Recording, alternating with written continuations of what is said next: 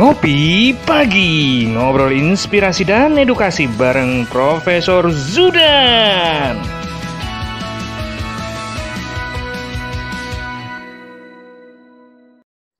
Salam bahagia kerabat desa Indonesia Pagi-pagi kita ngopi Saya udah punya mau ada TV desa Saya tinggal tunggu kiriman dari Prof. Zudan Saya ada ada kemendagrinya jadi biar tambah keren. Pagi ya. ini uh, ada pelajaran apa ini Bro? saya, saya kayaknya kayaknya ngopi pagi harus saya jadikan agenda kayak tausiah pagi tentang apa administrasi kependudukan kayaknya. Ya. apa ini Bro? Pagi ini Bro? Mas kita mau dan ini, seluruh kerabat desa, rekan-rekan Dukcapil seluruh Indonesia dan para pemirsa TV desa, TV yang memiliki concern khusus kepada seluruh kerabat desa. Pagi hari ini kita akan diskusi, ngobrolin santai sambil ngopi tentang KTP elektronik. Beberapa pertanyaan yang selalu muncul itu, Mas, foto saya ini dulu berjilbab, eh dulu belum berjilbab, sekarang hmm. sudah berjilbab, boleh ganti foto enggak? Hmm. Katanya seumur hidup. Nah, hmm. saya ini sudah pindah rumah, KTP-nya ganti enggak? Kan hmm. harus berlaku seumur hidup.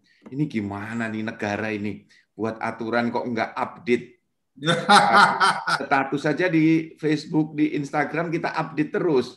Masuk KTP berlaku seumur hidup. Gitu. Status tapi update di uh, di KTP ogah-ogah juga gitu kan. Iya. Nah, itu Mas, memang kadang-kadang penduduk kita itu untuk hal-hal yang paling mendasar itu sering kali lupa. Dengan alasan sibuk, dengan alasan harus antri, dengan alasan harus ke kabupaten, harus ke kecamatan, sehingga banyak yang terlewati.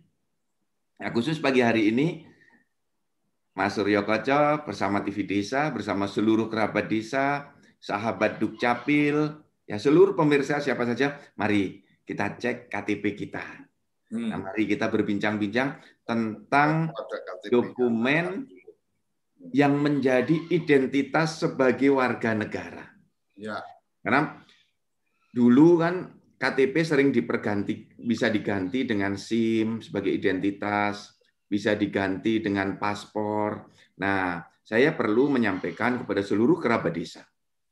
Dalam sistem hukum kita, dalam sistem kewarganegaraan nasional kita, identitas sebagai warga negara itu sesungguhnya hanya satu, sekarang untuk dewasa, orang dewasa adalah KTP elektronik dan untuk anak-anak adalah kartu identitas anak. Jadi di Indonesia berlaku dua identitas. Satu untuk anak baru bayi baru lahir sampai umur 17 tahun kurang satu hari dibuatkan kartu identitas anak. Berapa? Dan berapa, Prof? Untuk bayi baru lahir nah. sampai umur 17 tahun kurang satu hari dibuatkan kartu identitas anak. Oh, sampai 17 itu kartu identitas, identitas anak. anak. Tapi tetap nah, dengan NIK yang kemarin kita obrolin. Iya, betul. NIK-nya tidak berubah. Hanya bentuk kartunya berubah. Di Indonesia dibedakan. Bentuk kartunya kayak apa, Bro? Beda. Kartu identitas Karena anak berwarna merah. Nah, nanti saya menyempatkan saya belum membawa ini. Hmm. Ya. Oke. Okay. Yang untuk dewasa KTP yang berwarna biru itu KTP elektronik. Nah, untuk yang untuk kartu anak nggak ada gambarnya Hello Kitty atau apa? Kita buat desain yang menarik, yang berwarna merah, pink gitu. Nah, siap, siap. Rekan-rekan semua, kerabat desa, kita ini harus membangun persepsi yang sama. Hmm. Bahwa sebagai warga negara, kita harus memiliki identitas sebagai warga negara. Ya. Kalau SIM tadi saya sebutkan itu adalah ketika tidak membawa KTP, berbagai lembaga layanan publik itu berbaik hati. SIM-nya mana bolehlah sebagai pengganti. Itu masa lalu. Kalau sekarang itu, itu hanya karena kebaikan aja. Kebaikan lembaga yang menyelenggarakan layanan publik, bukan sistem hukumnya. Indonesia itu kan orangnya baik-baik. Kalau ditanya KTP ditanya, ya sudah SIM-nya mana? Ya, ya, kalau luar negeri enggak, paspornya mana gitu. Kartu kerja apa? Kartu pegawai. Kartu pegawai. Kalau yang PNS ditanya kan karpeknya. Nah, itu sebenarnya karena kebaikan lembaga penyelenggara layanan publik. Yang Kalau sistem hukum kita tidak begitu. Sistem hukum kita yang namanya identitas itu ya hanya seperti ini yang kita miliki ini. Inilah kartu identitas kita sebagai warga negara. Kemudian kan sering ditanya, lupa saya kan sebagai warga negara punya paspor. Di ya. luar negeri digunakan itu. Nah, paspor itulah dokumen perjalanan ke luar, luar negeri. negeri. Nah, Jadi itu kalau perjalanannya cuma luar kota nggak perlu pakai perlu nggak pakai paspor tapi pakai KTP. Ya, KTP saja cukup. Nah, itulah pengantar kita agar kita semuanya memiliki pemahaman yang sama. Itulah mengapa saya selalu mendorong kita semua Dukcapil pusat dan daerah selalu mendorong, yuk buat KTP, rekam KTP. Karena jangan sampai kita kalah dengan di masa lalu di Indonesia itu KTP yang mulai tersistem dengan baik itu diawali tahun 70-an, Mas. Hmm. Dulu, masih lebar, lebar itu ya, Prof. Ya, sudah dulu sudah KTP kabupaten. yang masih lebar di laminating itu kan? Yang di laminating. Ya, ya. Nah, yang ada logo per kabupaten. Ya, betul, ya. Maka dulu itu kita belum standar nasional. Masih Saya masih itu, masih sempat merasakan itu. Tapi kalau anak-anak muda sekarang mungkin sudah enggak. Ya. Jadi dulu saya pernah memberi materi di sebuah lembaga perbankan. Hmm. Mendapatkan kesaksian yang menurut saya itu membanggakan bagi negara. Mereka hmm. mengatakan begini, Pak, saya sudah lama kerja di bank. Sekarang jauh lebih mudah mengidentifikasi KTP ini asli atau palsu untuk nasabah saya.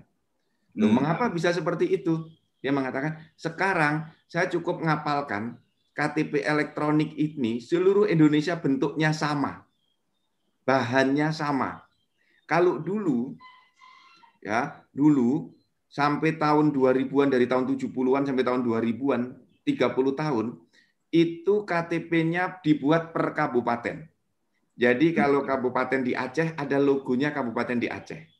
Kabupaten di Semarang logonya Kabupaten Semarang. Di Blitar logonya Blitar. Sehingga petugas bank itu harus ngapalin satu persatu. Maka dulu pemalsuan itu banyak sekali. Hmm. Nah, sekarang lebih mudah diidentifikasi karena hanya ada satu model. Jadi ya. dikatakan negara Indonesia itu terus berbenah untuk membangun satu standar nasional. Nah, hmm. dalam sebuah negara kan memang sebaiknya satu sistem. Inilah yang bisa diperbaiki. Di kita dulu mengenal KTP kabupaten, kemudian KTP nasional, KTP disebut KTP nasional siap. Ya. Masih laminating. Ya. Sekarang KTP nasional dengan KTP elektronik. Jadi kepada seluruh masyarakat, warga di kerabat desa, tolong kalau ada saudara-saudara kita, teman-teman kita yang masih memegang KTP buatan tahun 2004. Nah, tahun 2004 hmm. itu KTP-nya harus sudah diganti semua di 1 Januari 2014. Itu harus diganti semua. Berarti kalau yang sudah tertulis berlaku hingga seumur hidup itu berarti sudah update. Nah, kalau yang dengan di KTP-nya sudah berlaku seumur hidup, itu ya. berarti sudah KTP elektronik cetakan di 2014 ke belakang. Oh, berarti saya punya ini sudah 14 ke belakang ini, Bro. Nah, karena di sini tertulis seumur hidup kan gitu. Ya, karena ada karena ada juga yang masih tertulis berlaku sampai kapan kan gitu, Bro. Ya, punya saya seperti punya saya ini Mas Suryo Koco ditulis berlaku sampai dengan tahun 2017. Hmm. Ini karena saya dulu membuatnya 2012. Oh, iya. Nah, KTPL dulu generasi pertama 2011 sampai dengan 2014 itu berlakunya hanya lima tahun. Kemudian di Indonesia memperbaiki Undang-Undang 23 tahun 2006 yang diperbaiki dengan Undang-Undang 24 tahun 2013. Nah, undang-undangnya mulai berlaku 2013, diterapkan mulai 2014. Nah, dulu KTP kita ditulis lima tahun. Ya. Mulai 2014 itu ditulis persis di pasal 101. Pasal 101 huruf C tepatnya. Hmm. Dikatakan KTPL yang sudah berlaku, yang masih ada tanggal kadaluarsanya, dinyatakan tetap berlaku seumur hidup. Artinya nggak usah nyetak lagi. Nggak usah nyetak lagi, dengan catatan tidak ada data yang berubah. Kalau datanya berubah, misalnya dulu bujangan, kemudian menikah, Mas, KTP-nya harus diganti, cetak ulang karena berubah datanya. Pindah Kalau menikah, rumah, menikah kemudian menikah lagi kan nggak ada perubahan data kan bro? Nggak, nggak ada perubahan data. Tapi ada perubahan tanggung jawab, pegawai yang iya, lanjut, lanjut bro. Nah, kemudian banyak pertanyaan. Dulu saya waktu buat KTP itu masih kurus, masih jelek. Hmm, ya. Karena baru lulus SMA. Sekarang saya udah kerja, udah agak ganteng, kumisnya udah tumbuh. Boleh ganti foto nggak? Silahkan diganti sekalian mengupdate data. Dulu kan pekerjaannya masih pelajar. Hmm. Sekarang misalnya pekerjaan sudah mahasiswa, diupdate. Atau ya, saya ini perlu melakukan update data, bro, karena kan waktu foto saya belum ompong, ini sekarang ompong. Oke, ya. proses update-nya sesusah apa, bro? Nah, update ada dua hal. Pertama, nah. update data, dan yang kedua, update foto. Oke. Kalau update data, cukup datang ke Dinas Dukcapil melaporkan. Nah, yang saya maksud Dinas Dukcapil itu berbeda-beda di Indonesia. Kalau di DKI, di Depok boleh di kelurahan. Oke. Daerah lain boleh di kecamatan. Daerah lain ada yang harus di kabupaten karena alatnya hanya tersedia di kabupaten dan petugasnya baru ada di tingkat kabupaten. Jadi Mas Suryo Koco dan seluruh kerabat desa saya perlu jelaskan, hmm. Indonesia itu cakupannya beragam-ragam. Yeah. Kita memiliki 514 kabupaten kota dari yang sudah sangat maju layanan adminduknya. Seperti di kota-kota besar ya, yang bagus sekali itu kan kota Denpasar itu bagus, kota Bandung itu bagus, DKI bagus ya, Surabaya mulai menuju taraf yang bagus, kota Semarang itu bagus. Yang kota-kota itu rata-rata bagus. Tetapi kan ada juga daerah yang jaringan listriknya saja sering mati, Mas Ya. teman-teman di wilayah Papua, Papua Barat, di Nias, Nias Utara, di Mentawai. Jangankan ngomong internet, ngomong listrik aja. Listrik sering mati. Ya. Jadi saya sering dikomplain, Pak Prof, ini saya sudah buat foto kok nggak jadi-jadi KTP-nya. Ya, ada gangguan-gangguan ini. Saya mengakui kita sudah banyak memperbaiki, tetapi kekurangan-kekurangan selalu ada. Bayangkan Mas, kita punya 514 kabupaten kota, negara yang sangat besar. Hmm. Ya, kemudian SDM-nya ada yang sudah pinter, ada yang setengah pinter, ada yang harus dilatih terus-menerus. Nah, yang kalau merubah foto itu harus datang, karena harus foto. Nggak bisa seperti kita mengirim foto saja saya kirim foto saja ya lewat pos. Nanti kemudian dicetakkan dengan foto itu, ah, itu nggak bisa. Nah, kalau merubah data, beberapa daerah sudah bisa melakukan secara online. Mengurus pindah. data. Ya, misalnya kan urus pindah itu sudah bisa online. Kalau pindah itu artinya dia merubah data alamat. Itu kalau sudah merubah data alamat, uh, maksudnya yang sudah bisa online hanya beberapa masih beberapa tempat atau kemudian ini apa terintegrasi di apa uh, di Dukcapil apa uh, kemudian kemudian ya jadi data kita mas seluruh Indonesia itu terintegrasi dari kecamatan kabupaten dan pusat. Itu terintegrasi. Oke. Okay. jadi kalau orang pindah penduduk itu langsung terintegrasi ke data di pusat maka di kabupaten tapi tetap harus melakukan apa uh, perubahan data itu di tempat lokasi kita Iya, alamat betul. kita. Betul. Hmm. Kalau merubah data itu harus di tempat sesuai alamat. Oh, membuat iya. foto sesuai alamat. Tetapi kalau membuat KTP, mencetak KTP tanpa ada perubahan data, boleh di mana pun. Sekarang kita sudah Maksudnya, memperbaiki sistemnya. Mencetak KTP? Misalnya anak saya ya. membuat KTP dulu di Bekasi. Kemudian ya. pas di Surabaya KTP-nya hilang. Dia kan harus check in ke bandara, ke di kereta api, beli tiket gitu. Hmm. Misalnya harus ke mana menggunakan KTP, dia bisa mencetak KTP-nya di Surabaya. Datang ke Dinas Dukcapil di Surabaya, membawa surat keterangan hilang dari kepolisian, tolong cetakkan KTP saya. Tidak boleh merubah data. Oh, hanya fungsi memberikan salinan ibarat kata gitu ya. Betul. Tapi KTP-nya persis sama. Sama, artinya semua datanya sama, tidak sama. ada yang berubah. Betul, datanya sama, fotonya sama. Nah, kemarin juga ada kawan saya dari Kalimantan Selatan sudah bekerja di Surabaya. Oke. Okay. Nah, dia kalau ke pulang ke Kalimantan Selatan hanya untuk buat KTP mahal. Sistem kita sudah membolehkan membuat KTP di mana pun. Akhirnya dia membuat KTP-nya di kota Surabaya. Nah, pertanyaannya begini, apakah semua SDM-nya sudah bisa? Ternyata belum. Sudah kita latih juga semuanya, tetapi ada karena jarang ada yang mengurus pindah-pindah dan me, eh, maaf mengurus rekam cetak KTP luar domisili itu tidak semua kabupaten sudah bisa.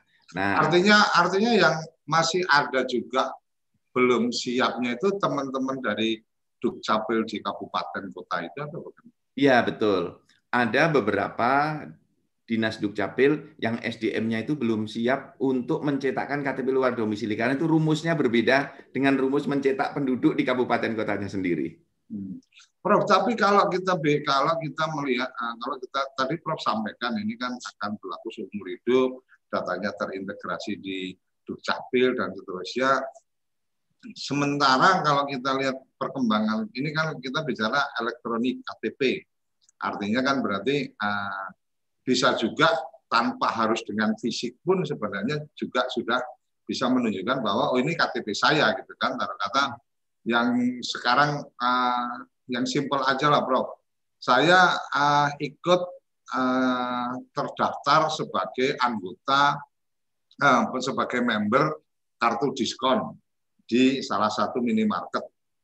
Begitu itu terkoneksi dengan payment maka kemudian saya juga bisa menunjukkan bahwa ini loh kartu apa kartu diskon saya ini kartu apa eh, kartu uh, kartu dari member di uh, shopping mereka dan seterusnya. Itu satu. Artinya saya nggak perlu harus fisik tebel-tebel di kantong kan gitu. Itu satu. Yang kedua ketika kemudian melakukan validasi data dan seterusnya uh, di beberapa aplikasi smartphone itu kan bahkan sampai fingerprint. Artinya fingerprint. Ketika kemudian uh, saya ingin mengamankan handphone saya supaya tidak bisa dibuka apa anak sama istri gitu kan. Itu kan otomatis kita pas kasih pengaman apa sidik jari. Artinya mereka nggak akan bisa buka karena apa ber, uh, kita menilai bahwa ini private gitu kan. Walaupun sebenarnya ya itu keputusan masing-masing itu private atau enggak. Tapi yang ingin saya ama, bawa lebih dalam konteks yang ketika kemudian saya punya uh, apa kredit online atau fasilitas kredit online itu dia juga memberikan uh, ruang kepada kita untuk kemudian anda masukkan pin atau anda masukkan apa uh, sidik jari kan ketika memang aplikasi apa di handphone kita sudah ada apa pembacaan sidik jari. Ketika uh, pem, pemakaian sidik jari otomatis ketika kemudian akan belanja kemudian menggunakan fasilitas kredit itu umpama anak saya main handphone saya kemudian dia yang belanja pakai apa kart, apa fasilitas kredit saya nggak bisa karena memang harus apa uh, sidik jari saya yang tertempel di situ. Kebayang di saya ketika kemudian uh, bisa sampai sejauh itu luar biasa itu bro. Artinya ya. melakukan update kayak saya mungkin hampir tiap tiap pagi update gitu kan, ganti rambut uh, rambut jadi tambah putih juga update, uh, ompong apa ompong kiri jadi panggilnya ponggi gitu kan gara-gara giginya lepas satu di sebelah kiri gitu kan itu juga update artinya saya dengan sukarela melakukan update itu di sosial media gitu kan nah kalau kemudian itu kemudian semudah itu melakukan update di di apa eh, data kependudukan walaupun ya tidak kemudian apa narsis-narsis banget lah gonta ganti foto gitu kan. Nah, itu mungkin akan akan menjadi keasikan tersendiri eh, teman-teman uh, kerabat desa ini melakukan update itu dengan dengan sukacita tidak merasa bahwa itu jadi apa beban atau kemudian jadi dilakukan hanya kalau perlu Kira-kira gimana bro? Ini ya. agak, agak liar mungkin pagi ini saya. Ini menarik sekali, Suryo Koco, kerabat iya. desa. Kita terus melakukan pembenahan-pembenahan secara sistem. Oke. Nah, di balik semua yang kita lakukan kelihatannya di front office itu sederhana. Hmm. Di front office hanya ada petugas yang menerima, oh, kemudian iya. memfoto ya. Tetapi di belakang layar back office-nya itu ada perangkat yang sangat besar Ya, ya. Apa yang ada di belakang dari semua sistem Dukcapil itu? Pertama namanya data center. Indonesia untuk layanan admin Duk memiliki tiga data center besar. Mungkin ya. inilah data center terbesar yang dimiliki oleh berbagai instansi. Karena hmm. yang isinya adalah 268 juta penduduk. Besar sekali Mas penduduk kita, ya. 268 juta. Ada data center. Yang kedua ada namanya jaringan komunikasi data. Hmm. Nah, ini jaringan inilah yang menghubungkan antara Dukcapil pusat, Dukcapil kabupaten kota, dan Dukcapil di semua kecamatan. Ya. Di KI, di Depok, itu sampai di tingkat kelurahan. Nah, ke depan kita akan dorong sampai ke tingkat desa. Desa-desa yang sudah mampu boleh menarik menggunakan jaringan itu. Nah, ini jaringan khusus sehingga tidak mudah dihack, tidak mudah hmm. disusupi oleh virus-virus ataupun Eh, malware ataupun apa trojan misalnya seperti itu. Hmm. Kemudian yang ketiga itu memerlukan perangkat-perangkat pendukung seperti server, komputer, ya, kemudian ribbon, tinta untuk mencetak, dan yang keempat SDM. Ya. Jadi Capil itu ada 60 ribuan SDM-nya sampai di tingkat kecamatan. Mungkin lebih 60 ribu sekarang karena kecamatan-kecamatan bertambah. Desa-desa yang sudah menerapkan ini kelurahan-kelurahannya juga bertambah. Ada eh, back office yang sangat besar. Nah, maka kita ketika berbenah itu dilakukan dengan pendekatan komprehensif dan nasional. Nah, hmm. ini Mas Koco tadi, bisa nggak sih orang itu nggak perlu bawa apa-apa, cukup bawa sidik jari. Hmm. Nah, karena rekam KTPL, datanya sudah ada. Ya. Kemudian nggak usah bawa apa-apa, bawa wajah saja. Nah, ya. sekarang kita sudah mulai mengarah ke sana. Saat hmm. ini sekarang ada tujuh lembaga yang kerjasama dengan Dukcapil untuk layanannya itu menggunakan foto wajah, Mas. Jadi oh. rekening bank nggak perlu ke banknya, cukup fotonya difoto begini dengan handphone, ya, ya. dikirim ke banknya. Hmm. Banknya nyocokkan dengan data Dukcapil. Oh, Anda cocok. Ya. Setelah fotonya cocok, dia diproses bukakan rekening bank. Ya. Satu lagi lembaga yang sudah menggunakan data ini adalah kepolisian. Hmm. Jadi kepolisian untuk penegakan hukum, pencegahan terorisme, hmm. untuk mencari, mengidentifikasi pelaku kejahatan. Jadi rekan-rekan semua, kerabat desa, kita sekarang harus berperilaku tertib. Sebab kalau kita misalnya di pinggir jalan, ya jadi vandal, vandalisme itu mas, ngerusak, ya. ya. apa, lempar apa, tertangkap di CCTV, itu sudahlah pasti tertangkap. Hmm. Karena dari CCTV wajahnya kelihatan, diidentifikasi siapa dia. Hmm. Nah ini juga berguna untuk mengungkap korban kejahatan. Kepolisian sudah menggunakan sidik jari. Oh yang itu ya dulu apa namanya? Jadi waktu Lion Air jatuh, hmm. kemudian ada mutilasi kemarin-kemarin itu, ada korban tabrak lari, meninggal dunia, sidik jarinya dipasang di atas alat langsung data orang itu keluar. Jadi tidak hmm. perlu lagi DNA, tidak perlu lagi mencari ke RT RW bener enggak datanya enggak, langsung dengan sidik jarinya. Nah, kita sudah mulai menuju ke sana, Mas. Okay. Nah, ada lagi yang terus kita lakukan untuk memudahkan warga masyarakat membuat dokumen kependudukan. Tidak harus datang hmm. ke Dukcapil, tetapi sekarang kita sudah menginisiasi alat baru yang Apa namanya Anjungan Dukcapil Mandiri.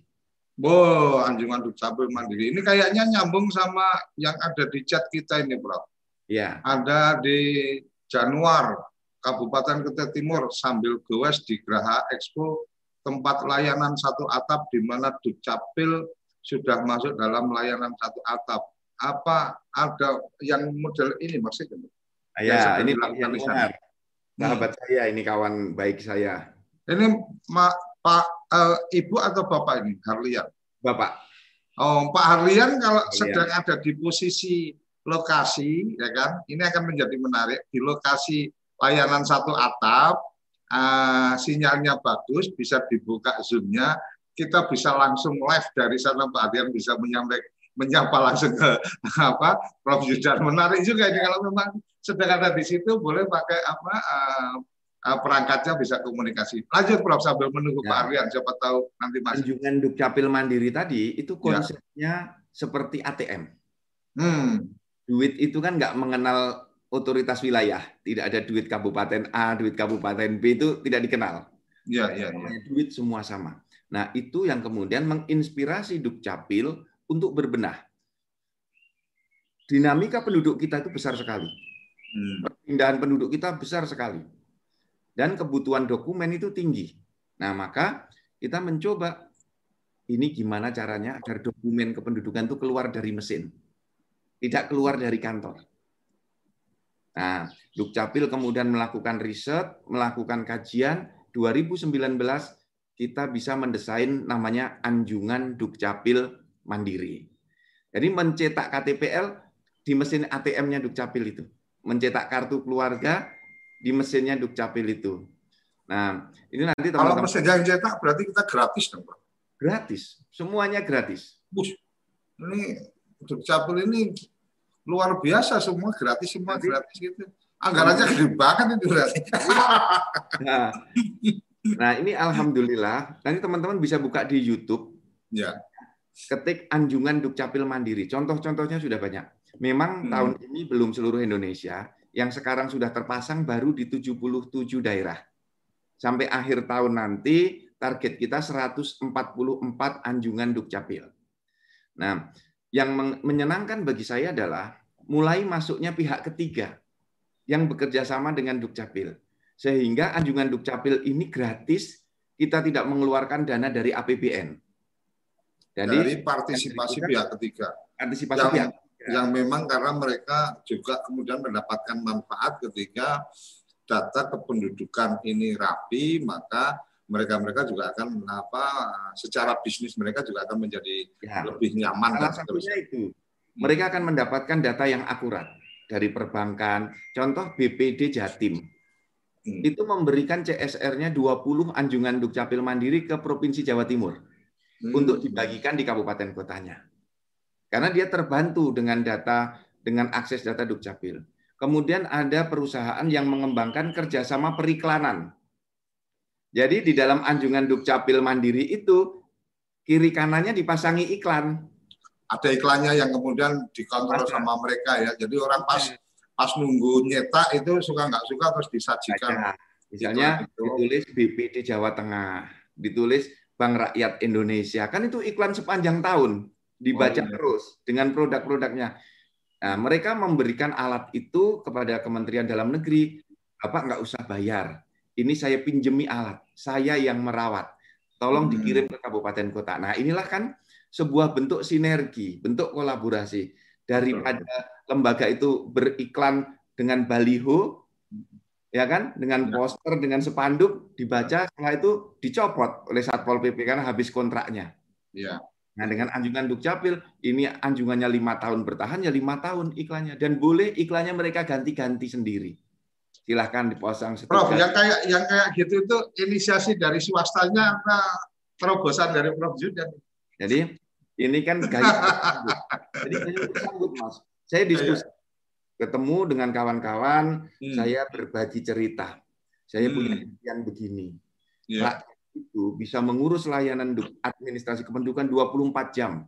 Mau malam boleh, mau habis subuh boleh. Dan tujuh hari seminggu, hari Sabtu dan Minggu. Teman-teman saya yang para pengusaha, teman-teman di kantor, teman-teman IT bertanya, gimana caranya Pak Prof? Kita pindahkan printer yang di kantor, kita pindahkan printer sistem komputer yang ada di kantor ke dalam mesin seperti ATM. Oh, kalau begitu bagus itu. Bisa kita coba.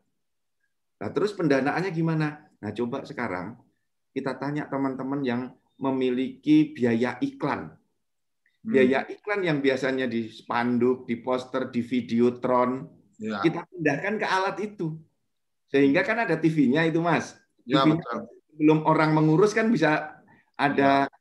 Eh, layar berjalan. Atau Apalagi ditempatkan di tempat-tempat strategis yang orang alas alasannya dari Dukcapil adalah supaya orang gampang tahu kalau itu ada alat anjungan tunai, eh, anjungan Dukcapil untuk mandiri. apa uh, Dukcapil mandirinya apa uh, tapi sisi yang lain sebenarnya kan memberikan tempat yang strategis supaya iklannya sering banyak orang yang lihat kan gitu. Betul. Ini kan win-win solution. Jadi, luar biasa luar biasa. Anjungan Dukcapil dipasang di mall-mall. Ya, iya itu pasti ya, pasti poinnya kan ke situ. Kemudian uh, yang kemudian pengen apa artinya yang akan akan terlibat itu kan akan berhitung berapa viewer atau berapa apa uh, orang menatap uh, titik itu. Jadi ibarat kata ya per orang lihat itu berarti kan cuma nggak sampai satu sen rupiah umpamanya. Ya. Artinya kan oh, yang dia berikan itu serat apa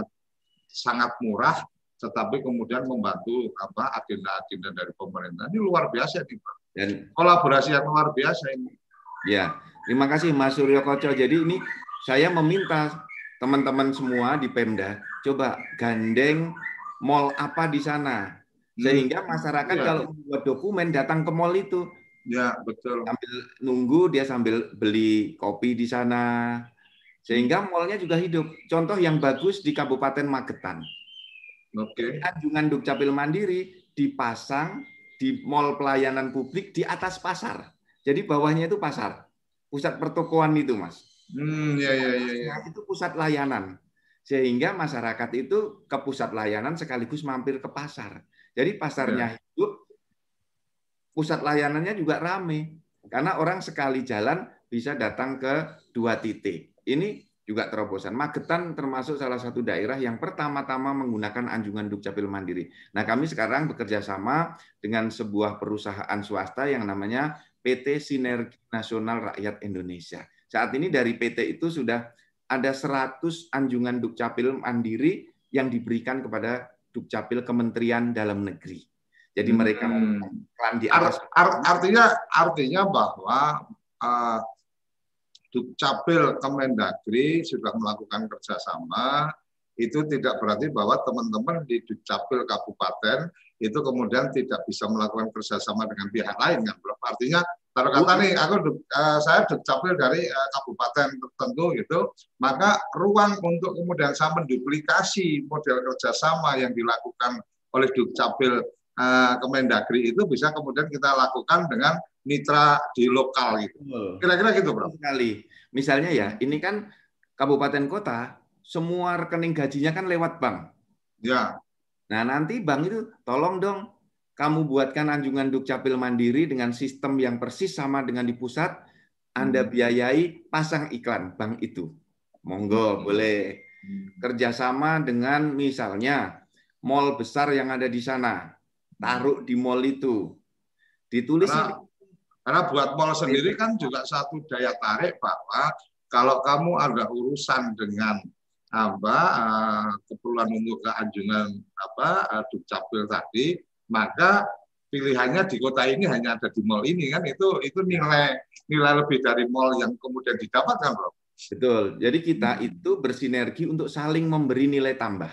Iya, iya, iya. Jadi kalau kita hanya ngomong KTP tok, kesannya kok nggak ada memberi manfaat hmm. bagi orang lain, hanya beri ya. manfaat bagi pemiliknya.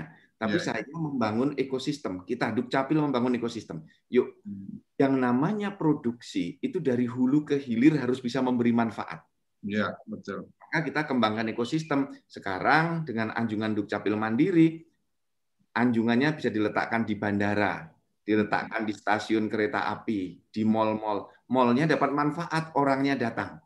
Hmm. Nah, masyarakat juga sekali jalan dia bisa mendapatkan banyak manfaat sekalian ke mall belanja, sekalian ke pasar belanja, dan di Anjungan Dukcapil bisa dicetak KTPL, bisa dicetak kartu identitas anak, bisa dicetak akte kelahiran, bisa dicetak kartu keluarga, bisa dicetak akte kematian, seperti itu. Berarti di situ ada proses cetak untuk mama ya. nih uh, Eh, kita mama ada keperluan apa terus tahu-tahu oh minta untuk ada apa kartu keluarga dan seterusnya maka ketika ada anjungan dukcapil mandiri itu maka kemudian kita bisa tinggal datang ke situ dengan data yang kita punya isi untuk kemudian oh saya pengen cetak kakaknya berarti bisa cetak di situ.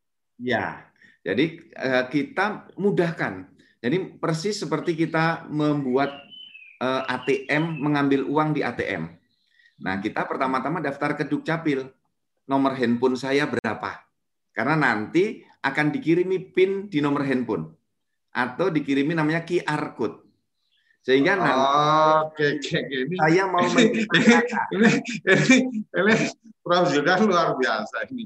Memainkan artinya sepertinya memberikan kemudahan, tapi ada juga bagian yang kemudian harus digrab menjadi data penting.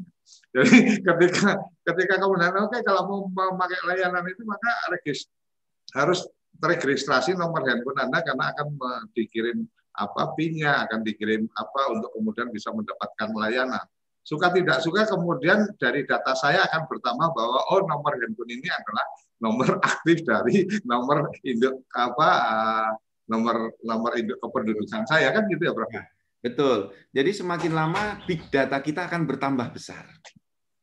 Luar biasa, luar biasa. Masuk nanti QR code, ada PIN, orang langsung dengan PIN-nya ketik di anjungan Dukcapil mau cetak apa? KK, hmm. KTP, akte kelahiran, sudah ada fitur-fiturnya. Nah ini Mas, belum pernah di Indonesia ada dokumen publik keluar dari mesin. Hmm. Nah, teman-teman Dukcapil di kita seluruh Indonesia ini hebat-hebat, tangguh, militan, berpikir tanpa pamrih, berkreasi terus-menerus.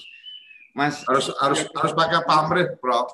Kalau nggak nggak pakai pamrih, pamrih nanti salah. Pamrihnya adalah memberikan yang terbaik Betul. di tempat pekerjaan kan gitu. Ya. Oke, Bro, jangan ke mana-mana ini kayaknya saya harus jeda karena apa takut kopi saya apa terlalu dingin. Uh, kita akan jeda sesaat dan akan kembali lagi bersama Prof. Judah ngopi pagi kita. Makin seru aja, makin hari makin seru uh, luar biasa. Jangan ke mana-mana, tetap di ngopi pagi bersama Prof. Judah. Kamu tinggal di pulau terpencil, pegunungan pinggiran kota, atau daerah di Indonesia yang tidak terjangkau jaringan fiber, ADSL, dan juga 3G. Internetan dengan cepat pasti cuma akan menjadi mimpi. Mau pakai tol langit, pakai desa wifi, kunjungi www.desawifi.id.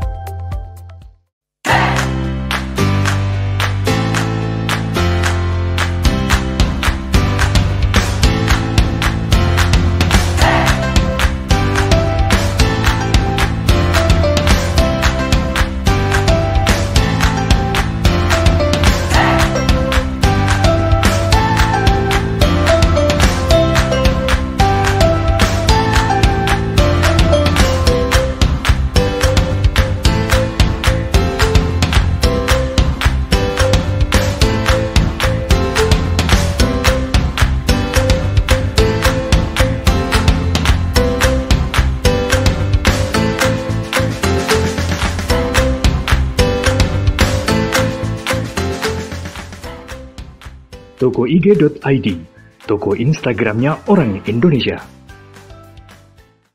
Ayo, kandidat kepala daerah, manfaatkan kesempatan ini. TV Desa mengundang Anda bicara desa. 5 menit bisa. Bicara Desa. Sebuah program tayangan monolog, konsep membangun dari desa. Dari kandidat untuk masyarakat. 5 menit bisa. Bicara Desa hanya di TV Desa. Kembali ke ngopi pagi. Makin keren aja ini. Duk Campil ternyata luar biasa. Cuma ini urusannya mungkin lebih karena uh, belum terekspos dengan apa luas. Jadi kayaknya agenda-agenda berikutnya kayaknya pagi-pagi kita kayaknya perlu juga nih Prof untuk mengundang teman-teman Dukcapil dari daerah yang sudah melakukan terobosan-terobosan sehingga bisa berbagi cerita bagaimana sih susahnya tapi bagaimana juga asiknya ketika kemudian oh kita bisa sampai melakukan seperti ini dan seterusnya. Ini uh, apa menurut saya sih uh, mau bisa kita uh, jadikan tempat ngopi pagi ini untuk apa ngopi pagi bersama Prof. Zudan ini adalah tempat juga untuk kemudian teman-teman yang apa berkreasi dan bisa menjadi inspirasi untuk teman-teman yang lain bisa diundang untuk apa bisa ngopi bareng Prof Zudan. Ya, setuju saya Mas. Ya. Misalnya besok pagi kita geser topik lebih mendalam tentang anjungan Dukcapil Mandiri. Misalnya Iya. ya, kita undang Hmm. teman di Tangerang Selatan yang sudah operasional, Betul. dari sana. Teman Hmm. yang di Magetan, sedang Ya. Di sana, di Banyuwangi gitu ya. Ya, Kemudian di Banyu Asin, di di Banyu Asin itu di Sumatera Selatan. hmm. Monggo nanti Ini Saya- tinggal tinggal teman-teman dari Dukcapil aja kemudian nanti mereferensikan untuk kemudian oh ini ini ya boleh nanti. ya. Jadi gini bro, eh, mungkin sedikit cerita TV desa ketika TV desa kita coba ingin eh, apa sih yang ingin dilakukan TV desa? TV desa ingin me- memberikan satu tayangan yang kemudian bisa menjadi inspirasi, tayangan yang kemudian edukasi, yang eh, kemudian teman-teman yang mungkin tadinya tidak tergerak atau tidak terpikir jadi uh oh ternyata bisa seperti itu ternyata bisa seperti itu. Ini yang bagian yang kita ingin terus kembangkan. Salah satunya apa eh, kita apa eh, eh, untuk terobosan-terobosan teman-teman melakukan kegiatan apa pelayanan umpamanya teman kok ada sekdes yang kemudian membuat terobosan untuk eh, setiap kakak dari warga itu ada barcode-nya supaya dia tidak susah Mas, nyari dan besok perlu ditampilkan Mas. Beliau di Zoom gitu biar cerita biar teman-teman Oh boleh boleh bro, Uh, karena tempat sempat jadi tamu kita juga artinya Ya. uh, itu mungkin bagian yang uh, sisi yang lain uh, menurut saya bro ada juga yang menarik bahwa di di forum pagi atau ngopi pagi bareng Prof Zudan ini di samping kita bisa mendapatkan inspirasi dari teman-teman yang apa yang ada di daerah dan seterusnya bisa juga jadi kesempatan untuk belanja tantangan gitu. Artinya belanja tantangan.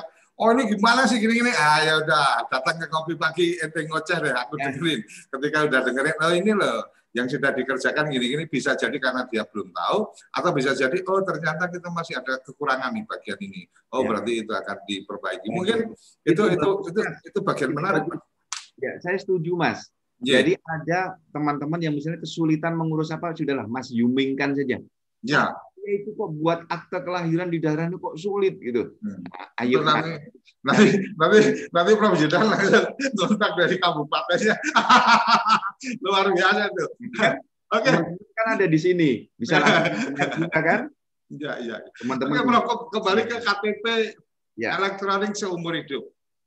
Adakah ag- agenda agenda karena kita bicara KTP elektronik, maka bicara agenda digital.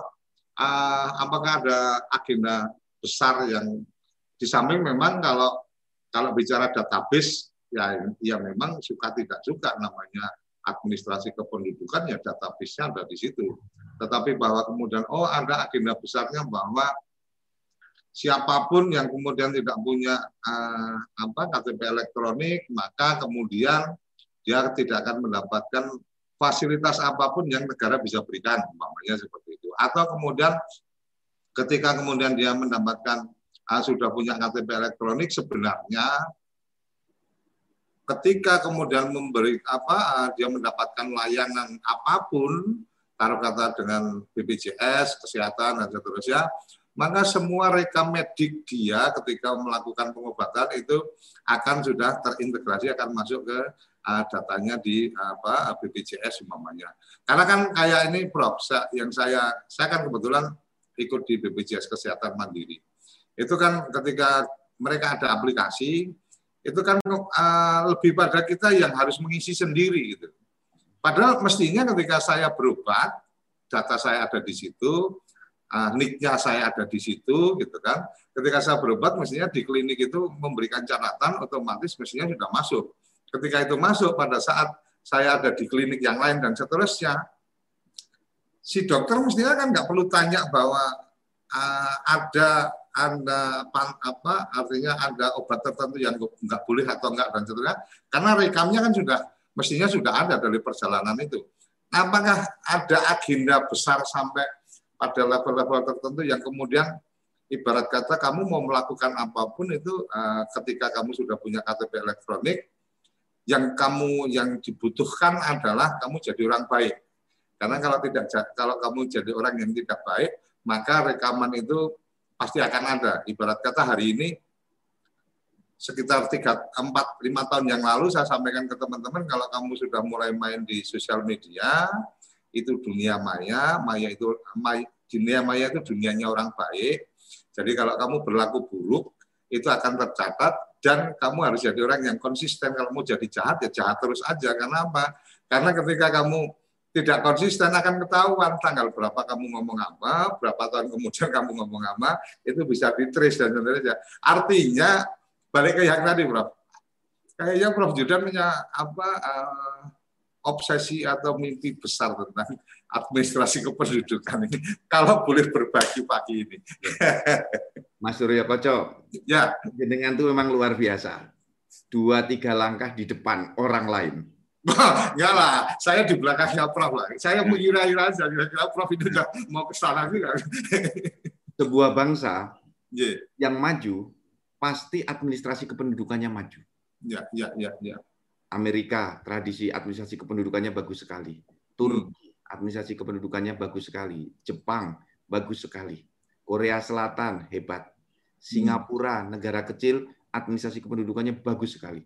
Maka setiap administrasi kependudukan yang bagus akan bisa membangun peradaban yang bagus. Ya. Jadi sekarang obsesi kita, imajinasi Dukcapil seluruh Indonesia adalah membangun peradaban baru di Indonesia. Bayangkan Mas. Dari sini, dari KTPL, Indonesia itu sekarang bisa face recognition. Hmm. Jadi mengidentifikasi orang lewat wajah. Ya. Jadi hati-hati Teman-teman semua sekarang kalau di mall jangan toal-toel, jangan ngambil-ngambil barang milik orang lain. Itu pasti ketahuan. CCTV itu di mall kan banyak. Ya.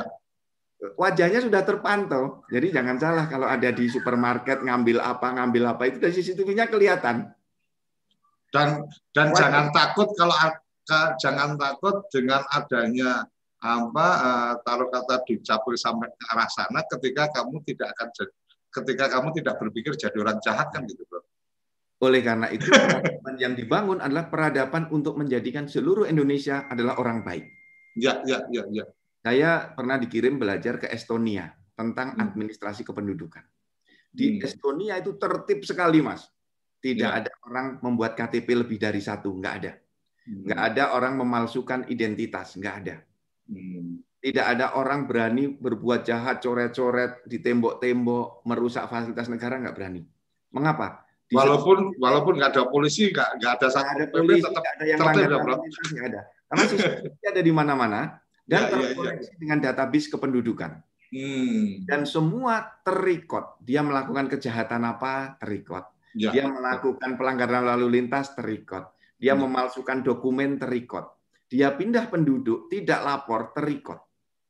Dia beli mobil, terikot. Plat nomornya terikot. Negerinya tertib, Mas. Dan ini menyenangkan bagi orang-orang baik. Karena jalan di malam hari tenang. Karena semua ada CCTV-nya. Kalau orang nakal pasti nggak nyaman. Artinya membangun sebuah peradaban baru dengan ah, suasana yang kemudian kita bisa bahagia, warganya bahagia. Jadi kalau saya sempat me, eh, sempat ngobrol sama teman-teman itu sebenarnya yang paling penting itu apa sih? Oh ya, paling penting itu bahagia. Ketika bahagia itu artinya adalah kita tidak pernah takut akan apa yang terjadi esok hari kan. Ketika kita masih takut sepeda motor diparkir di depan itu bisa hilang, oh berarti masih belum bahagia kan gitu.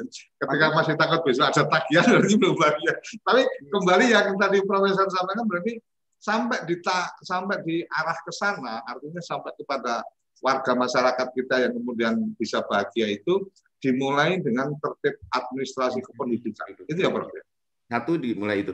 Satu penduduk hanya boleh memiliki satu identitas. Hmm. berbagi negara tidak ada penduduk ingin memiliki identitas lebih dari satu nggak ada nah, semua negara maju menerapkan single identity number maka hak politiknya melekat dengan number itu. Hak sosialnya melekat dengan number itu. Hak ekonominya oh. melekat dengan number itu.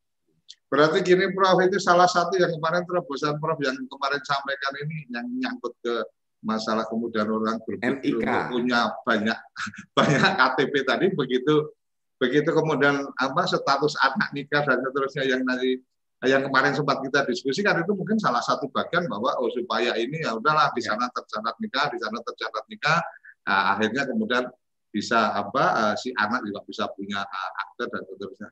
Luar biasa berarti sebenarnya tantangannya banyak sekali dan Profesor Judan mesti mengurai satu-satu membuat koneksi. Berapa nah, lama untuk kemudian ide-ide luar biasa ini, Bro?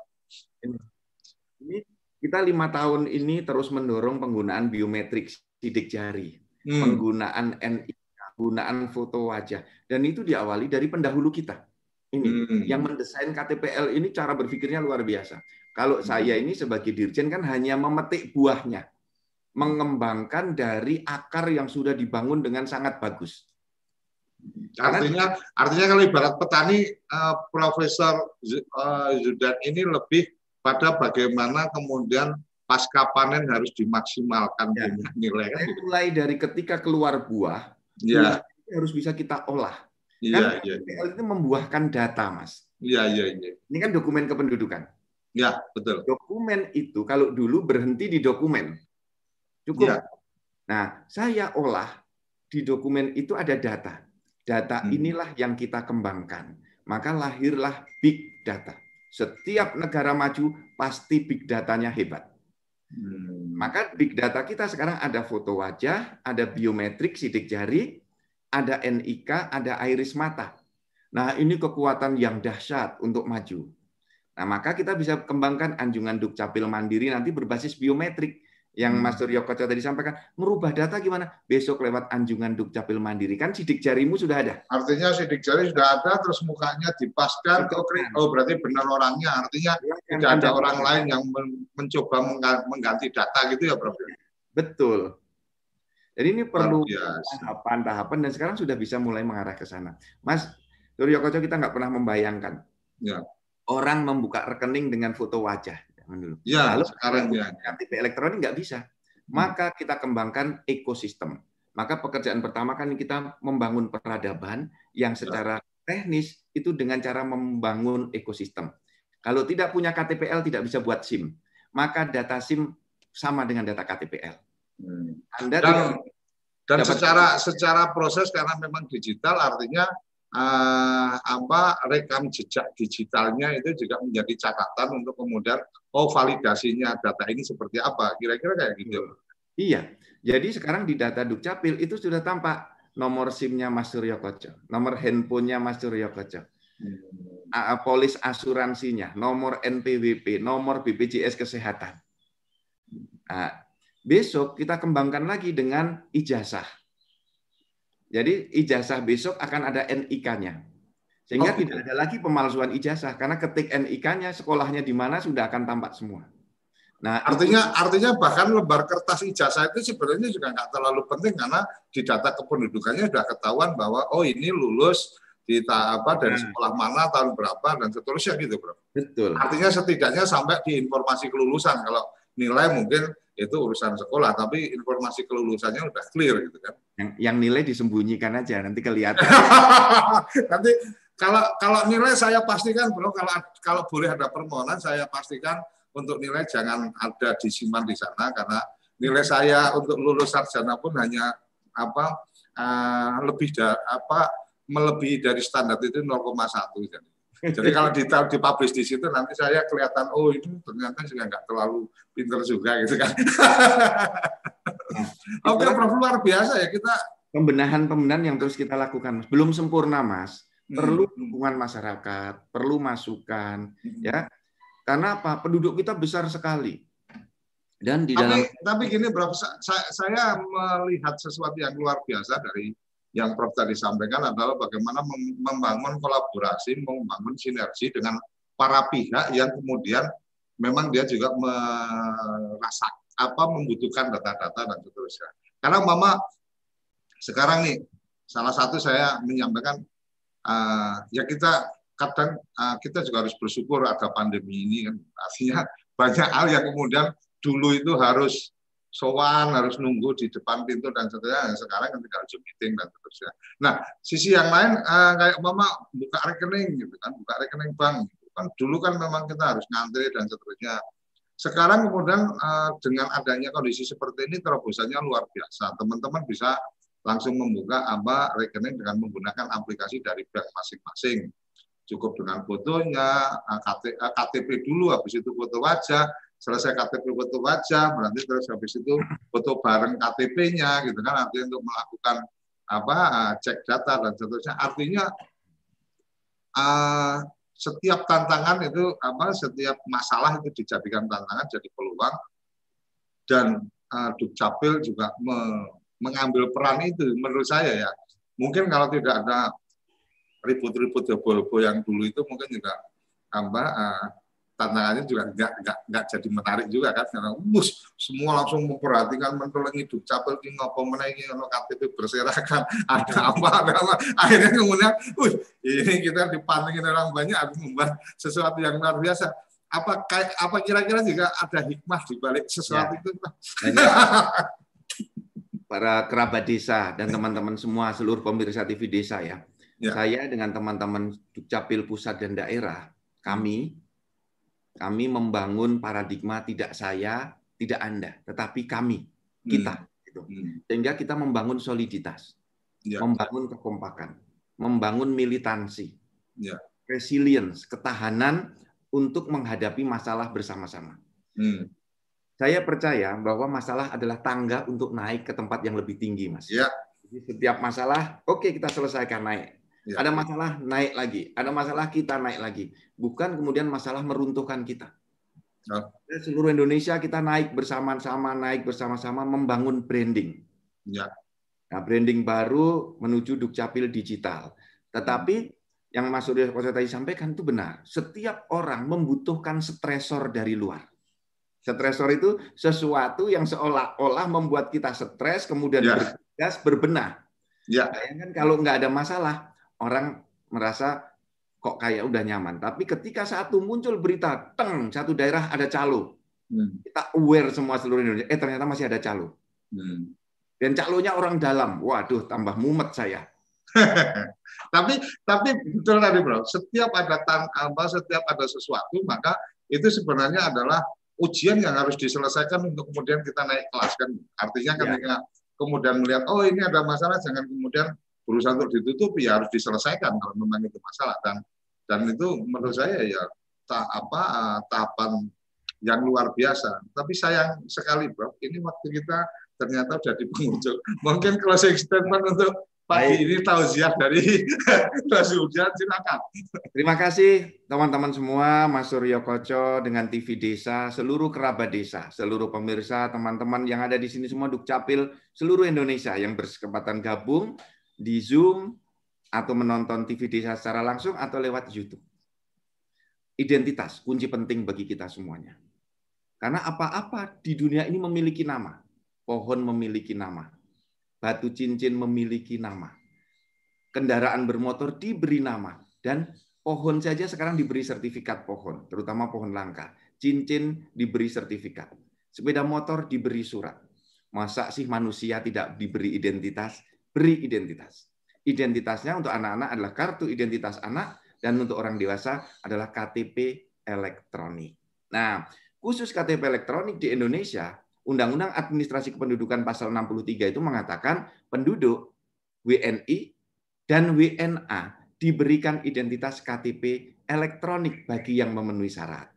Nah, untuk KTP elektronik bagi WNI harus berumur 17 tahun atau pernah menikah bagi WNA wajib diberikan KTP elektronik bila memenuhi syarat kartu izin tinggal tetap. Jadi Mas Suryo Koco, seluruh kerabat desa jangan kaget kalau ada WNA orang Arab Saudi, orang China, orang Amerika memiliki KTP elektronik. Itu seperti kita di luar negeri diberi permanen residen, diberi ID, sama. Itu adalah tradisi internasional. Kemudian yang kedua, teman-teman semua di dalam kita bekerja menyelesaikan eh, pekerjaan kita ada masalah. Tantangan kepemimpinan leadership challenge adalah bagaimana kita memberikan solusi. Setiap pemimpin tidak boleh hanya berhenti berkeluh kesah ketika ada masalah. Pemimpin harus bergerak untuk memberikan solusi. Nah, jadi mari kita semua dari kita adalah pemimpin. Maka semua dari kita harus bergerak memberikan solusi. Demikian Mas Suryo Koco Oke, dengan terima kasih. Luar biasa, luar biasa Prof. Zudan. ada yang terakhir tadi yang menarik mungkin nanti saya akan usulkan ke teman-teman di Dukcapil atau teman-teman redaksi nanti juga bisa mempersiapkan tentang KTP elektronik untuk orang asing itu seperti apa dan ini kayaknya menarik untuk kita kita jadikan obrolan uh, mungkin besok pagi atau pagi berikutnya tapi yang jelas pagi ini kita cukup sampai di sini ngopi pagi bareng Prof Zudan terima kasih Prof Zudan sudah apa berkenan untuk uh, ngopi pagi bareng kita di TV Desa. Sampai di sini, sampai bertemu di episode-episode uh, berikutnya. Salam bahagia kerabat desa Indonesia. Terima kasih.